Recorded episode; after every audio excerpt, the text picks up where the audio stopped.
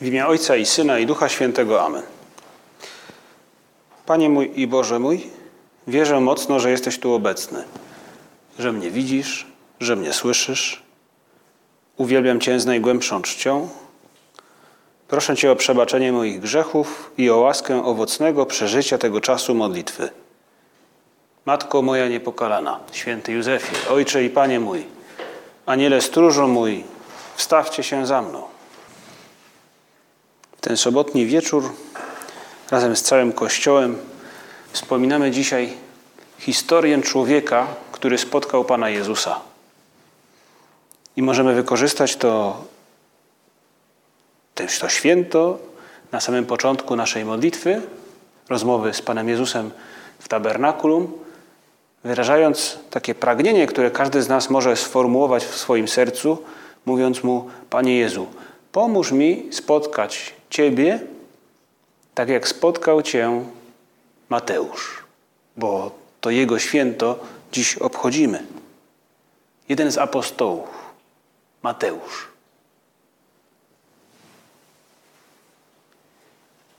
Historia spotkania pewnego człowieka z Jezusem.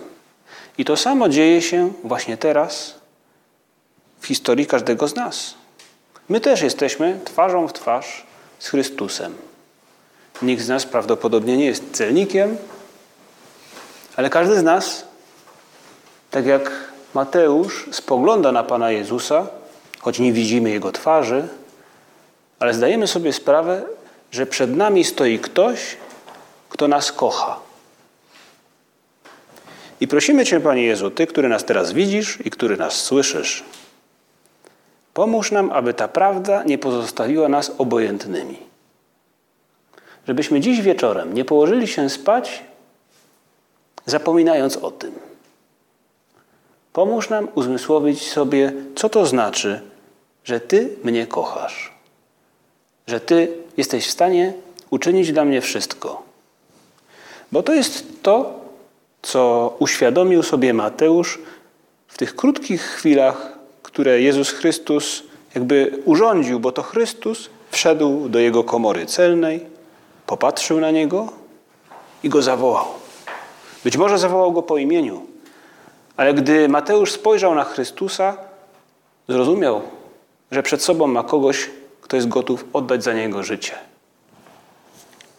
Sam Mateusz opisuje tę scenę w bardzo krótkich słowach, bo w swojej Ewangelii mówi nam o tym, że Chrystus, gdy mm, obchodził okolice Kafarnaum, w pewnym momencie przechodząc, ujrzał człowieka siedzącego w komorze celnej imieniem Mateusz i rzekł do niego: Pójdź za mną.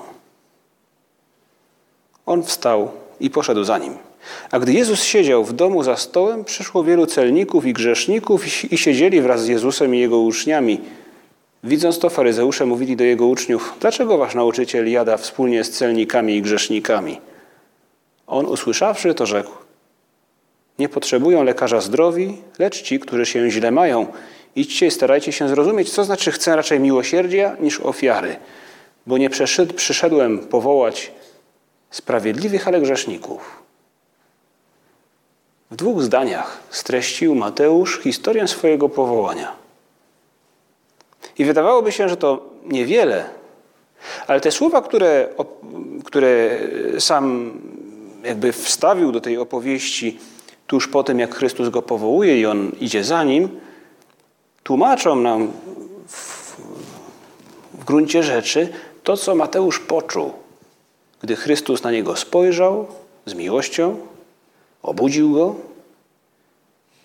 bo mówi, Jezus Chrystus później, gdy znajdował się wśród właśnie celników i innych grzeszników, mówi: Po to właśnie przyszedłem, żeby takich ludzi obudzić, żeby na takich ludzi spojrzeć, aby dotrzeć do ich serca.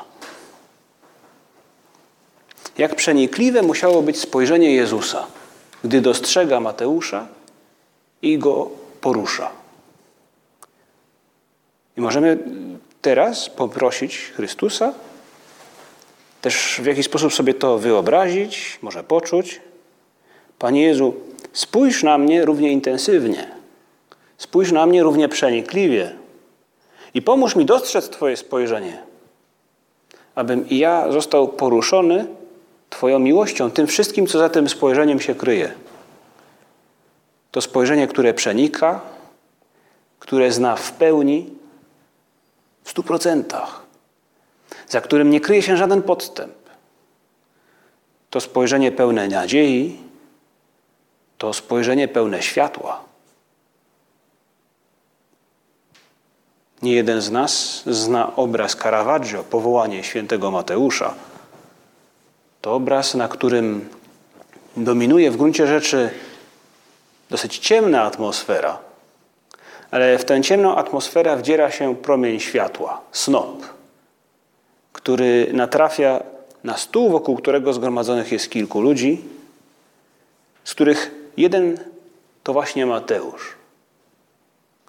I choć historycy sztuki zastanawiają się, który z tych ludzi to Mateusz, czy jeden, czy drugi, najważniejszą postacią na tym obrazie to ktoś, za kogo to światło się wydobywa, jakby stoi w drzwiach, jakby stał w drzwiach. To Chrystus, który wyciąga rękę ku Mateuszowi. I to właśnie to światło, które pada na ten stół, wokół którego zgromadzonych jest tych kilku ludzi, ukazuje nam tę moc, którą spojrzenie Chrystusa ma, aby dotknąć serca drugiego człowieka, którego ma przed sobą. Poruszyć do tego stopnia, że gdy tylko przemówił, pójdź za mną, on wstał i poszedł za nim. Ta ciemna atmosfera na obrazie Caravaggio pomaga nam jakby zrozumieć też, że Chrystus wprowadził do życia Mateusza coś, czego wcześniej nie było. Radość i światło. Światło to znaczy sens. Po co tu jestem? Światło i radość, które kryją się za spojrzeniem Chrystusa. Jedna z teorii, które opisują, jakby rozważają, która z tych postaci jest Mateuszem, twierdzi, że Mateusz to młody człowiek, który y, zgarbiony siedzi przy stole i jakby zaciska e, rękę, jakby liczył pieniądze, jedną rękę zaciska na sakiewce pełnej pieniędzy. Ten człowiek, młody człowiek, najmłodszy z tych, którzy wokół stołu są zgromadzeni, on jeszcze nie zobaczył Chrystusa. Dlatego jest smutny i zgarbiony. Niektórzy twierdzą, że to chwila przed tym, gdy dotarło do niego, kim jest Chrystus i kim on jest dla Chrystusa. Jak dobrze zrozumieć, Panie Jezu, że ta radość i to światło, które rodzą się w spotkaniu z Tobą, zaczynają się od Twojej inicjatywy. To Ty dostrzegasz mnie, to Ty dostrzegasz Mateusza. To Ty pierwszy na nas spoglądasz. To Ty pierwszy wchodzisz do tych miejsc, gdzie się znajdujemy. Jak dobrze pomyśleć, że gdy nam brakuje tego światła, czyli jakby sensu życia w mniejszym lub większym wymiarze, jak dobrze pomyśleć, że gdy brakuje mi radości, Bóg wychodzi mi na spotkanie. To Bóg, który podejmuje inicjatywę w naszej historii. I to jest właśnie to spojrzenie, które przenika i które porusza i które daje łaskę, daje siłę, daje zbawienie. I tak z takiego, można by powiedzieć, tłumoka, jakim jest Mateusz smutny, pogrążony w tej ciemności, nagle powstaje radosny Mateusz. Człowiek, który rusza za nim i świętuje razem ze swoimi przyjaciółmi to, że w jego życiu zabłysło światło, jest sens. Spotkał Chrystusa. Pomóż nam, Panie Jezu, zrozumieć i poczuć też, że Ty patrzysz na mnie, na każdego z nas z osobna, z taką samą miłością, z taką samą przenikliwością i z taką samą nadzieją, z jaką patrzyłeś na Mateusza. Jezus Chrystus spogląda na, na całe moje życie, ale także na poszczególne elementy mojego życia z nadzieją. On wie, co we mnie siedzi. On zna moje słabości. On zna mój potencjał. Tak jak doskonale znał potencjał słabości, smutek tę ciemność, bezradność, pasywność Mateusza, który go napotkał. I staje przed nim, patrzy na niego z nadzieją, mówiąc mu: Zobacz, oto Bóg, który cię kocha, który dla ciebie jest gotów umrzeć na krzyżu. Jak dobrze zrozumieć, Panie Jezu, że źródłem naszej nadziei i naszej radości nie są nasze siły, tylko Twoja inicjatywa, Boża inicjatywa tego Boga, który wchodzi w nasze życie, by dać nam to, czego najbardziej potrzebujemy. Papież Franciszek w adhortacji Christus Vivit, skierowanej w dużej mierze do nas, do ludzi młodych, mówi tak o tej nadziei i o tym, że źródłem tej nadziei nie są nasze siły, tylko to, że Bóg na nas spogląda. Jezus Chrystus, tak jak na Mateusza. Jesteśmy zbawieni przez Jezusa, bo nas kocha i tej miłości nie może się sprzeciwić. Możemy mu robić cokolwiek, ale on nas kocha i zbawia, bo tylko to, co jest kochane, może być zbawione. Tylko to, co się akceptuje, może zostać przemienione. Miłość Pana jest większa niż wszystkie nasze sprzeczności, wszystkie nasze słabości i wszystkie nasze małoduszności. Możemy pomyśleć, to wszystko skoncentrowane znajduje się w tej postaci Mateusza skulonego przy stole, bezradnego, którego życie ogranicza się do tego ciemnego kantorka, ciemnego stołu i tych starych, trudno powiedzieć, czy przyjaciół, może właśnie zdzierców, którzy wokół niego krążyli.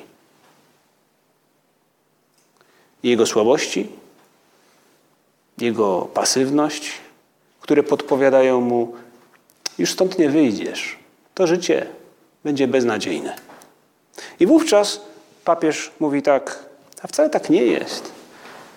Właśnie przez nasze sprzeczności, słabości i małoduszności chce On napisać tę historię miłości. Przygarnął syna marnotrawnego, przygarnął Piotra po jego zaparciu się i zawsze nieustannie przygarnia nas po naszych upadkach, pomagając nam podnieść się i stanąć na nogi. Prawdziwym upadkiem, uważajcie, prawdziwym upadkiem, który może zrujnować nam życie, jest bowiem pozostanie na ziemi i niepozwolenie sobie pomóc. Panie Jezu, pomóż mi uzmysłowić sobie, że źródłem mojej nadziei i źródłem mojej radości, jak w przypadku Mateusza, jest Twoja inicjatywa. Możemy prosić Pana Jezusa, spójrz na mnie. Na jakiś fragment mojego życia. Może każdy z nas chciałby, aby Pan Jezus spojrzał na pewien konkretny fragment naszego życia, element naszego życia, moment naszego życia, pewną rzecz, którą czynimy, y, no, pewien zakątek może naszej duszy. Właśnie taki, jakim jest Mateusz w tej historii, którą sam nam opowiada. Taki tłumok skulony nad stołem. Nie znaczy, że musimy czuć się fatalnie, beznadziejnie. Ale dobrze jest, abyśmy poczuli pewnego rodzaju bezradność, jaką każdy z nas w gruncie rzeczy jest naznaczony.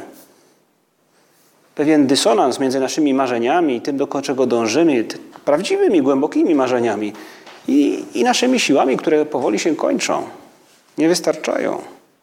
Jak dobrze nam robi zrozumieć właśnie w obrazie tego Mateusza, w jego historii, że źródłem naszej wartości nie jesteśmy my sami jako tacy, tylko to, że Bóg nas kocha, że Jezus Chrystus jest gotów dla nas uczynić wszystko. Jak wielką wartość każdy z nas posiada.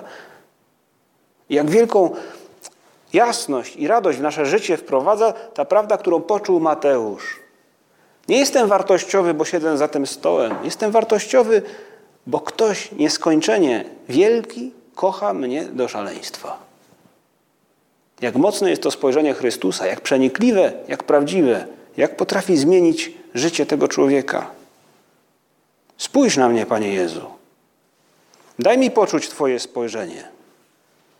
Odkryć ten fragment mojego życia oświetlony przez ten snop światła, Boży reflektor, jak latarnia morska, która w bezchmurną noc nad morzem potrafi rzucić snop światła na wiele kilometrów, dotrzeć tym błyskiem do zagubionego być może okrętu. My, Panie Jezu, nie chcemy pozostawać w ciemności. Chcemy poczuć to światło i pozwolić, aby ono przeniknęło do naszego serca i je zmieniło. Z pewnością, że to nie moje siły, że to nie moje zdolności, że to nie moje wyniki naukowe, sportowe, to nie moja erudycja, ilość języków, które znam, to nie zasobność moich rodziców, dziadków, nie wiadomo kogo.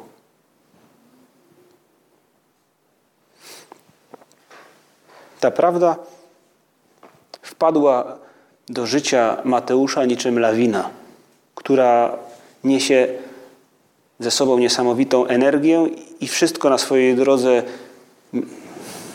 można powiedzieć, brutalnie miażdży, prawda? Ale jakby tam, gdzie lawina przechodzi, nie pozostaje już nic nietkniętego.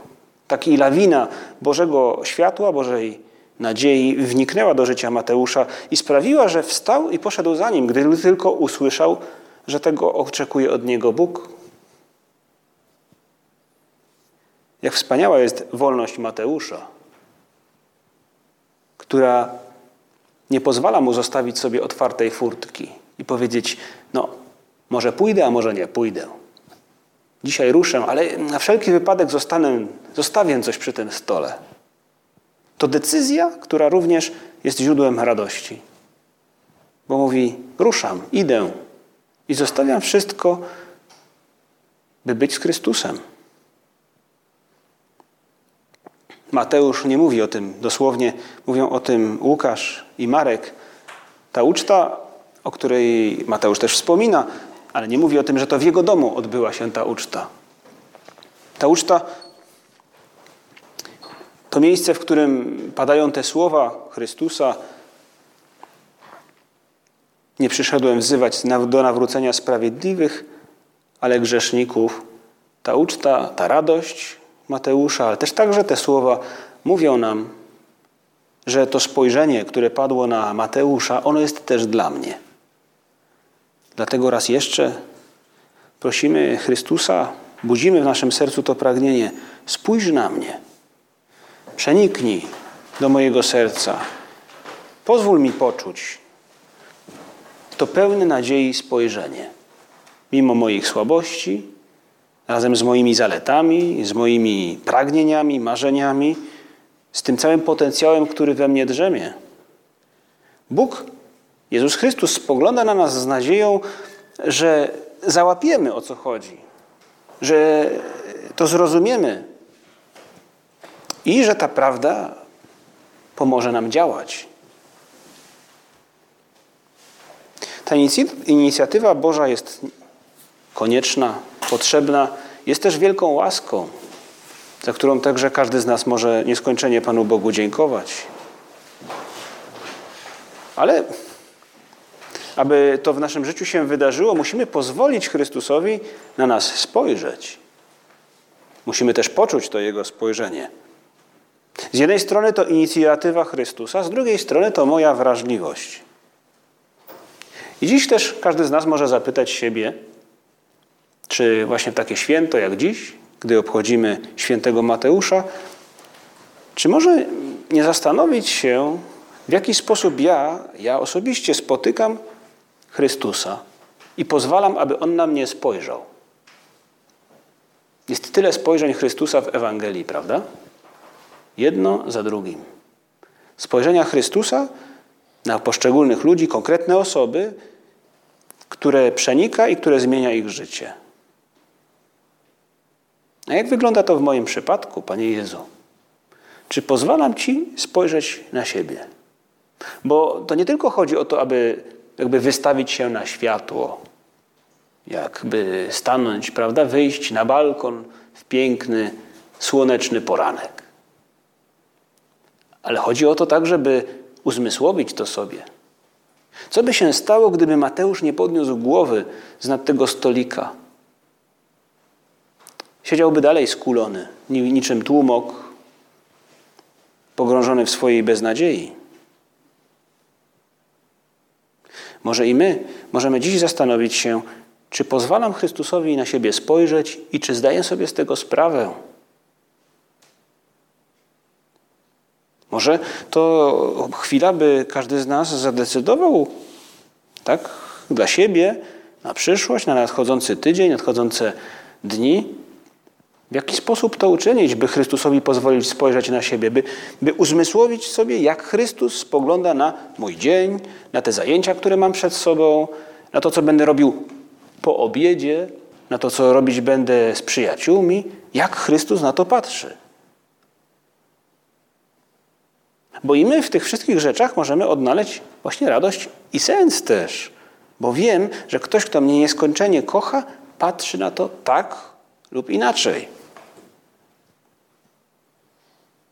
Jak bardzo może nam pomóc w tym zwyczaj stary jak chrześcijaństwo, by odwiedzać Pana Jezusa w tabernakulum, w jakimś kościele, gdy idziemy na zajęcia, czy gdzieś koło miejsca, gdzie mieszkamy, nawiedzić Przenajświętszy Sakrament.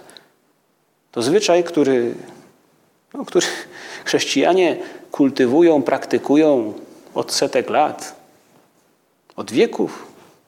Bo zdają sobie sprawę, że w tabernakulum mieszka ktoś, kto nieskończenie ich kocha i nie wystarczy tylko wiedzieć o tym. Trzeba też to poczuć w konkretnych wymiarach naszego życia, w tym, co dziś będę robił lub robiłem.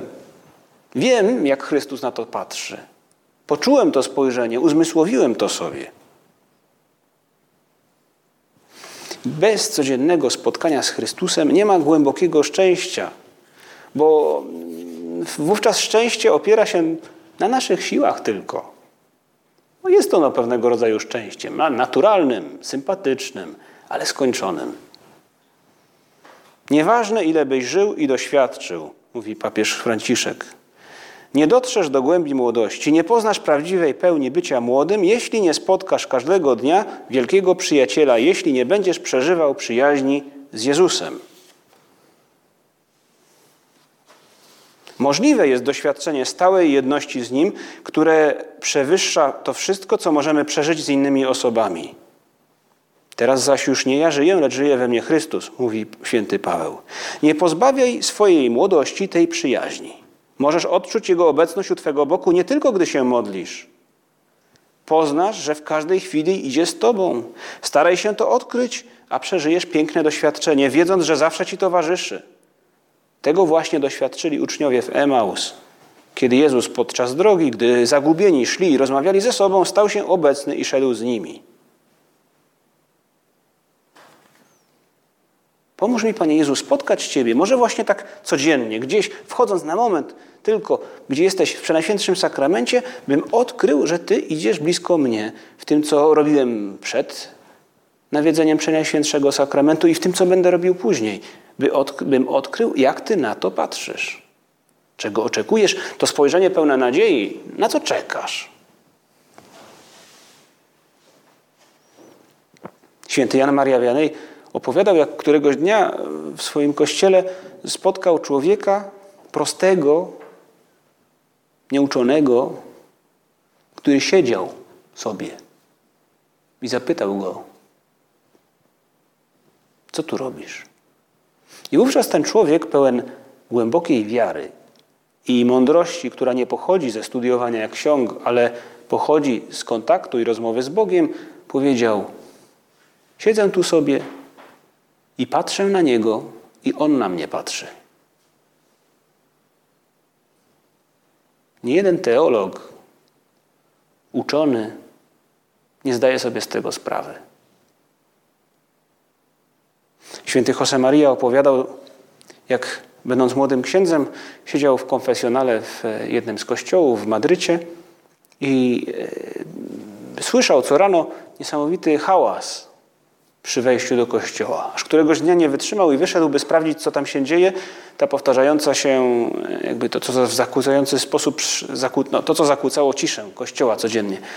I dostrzegł człowieka, który z hukiem stawiał jakieś dzbany kruchcie kościoła i wchodził, i po czym na chwilę i wychodził. I zapytał go, co robisz? A on mówił, no wchodzę, by przywitać się z Panem Jezusem. I co mu mówisz?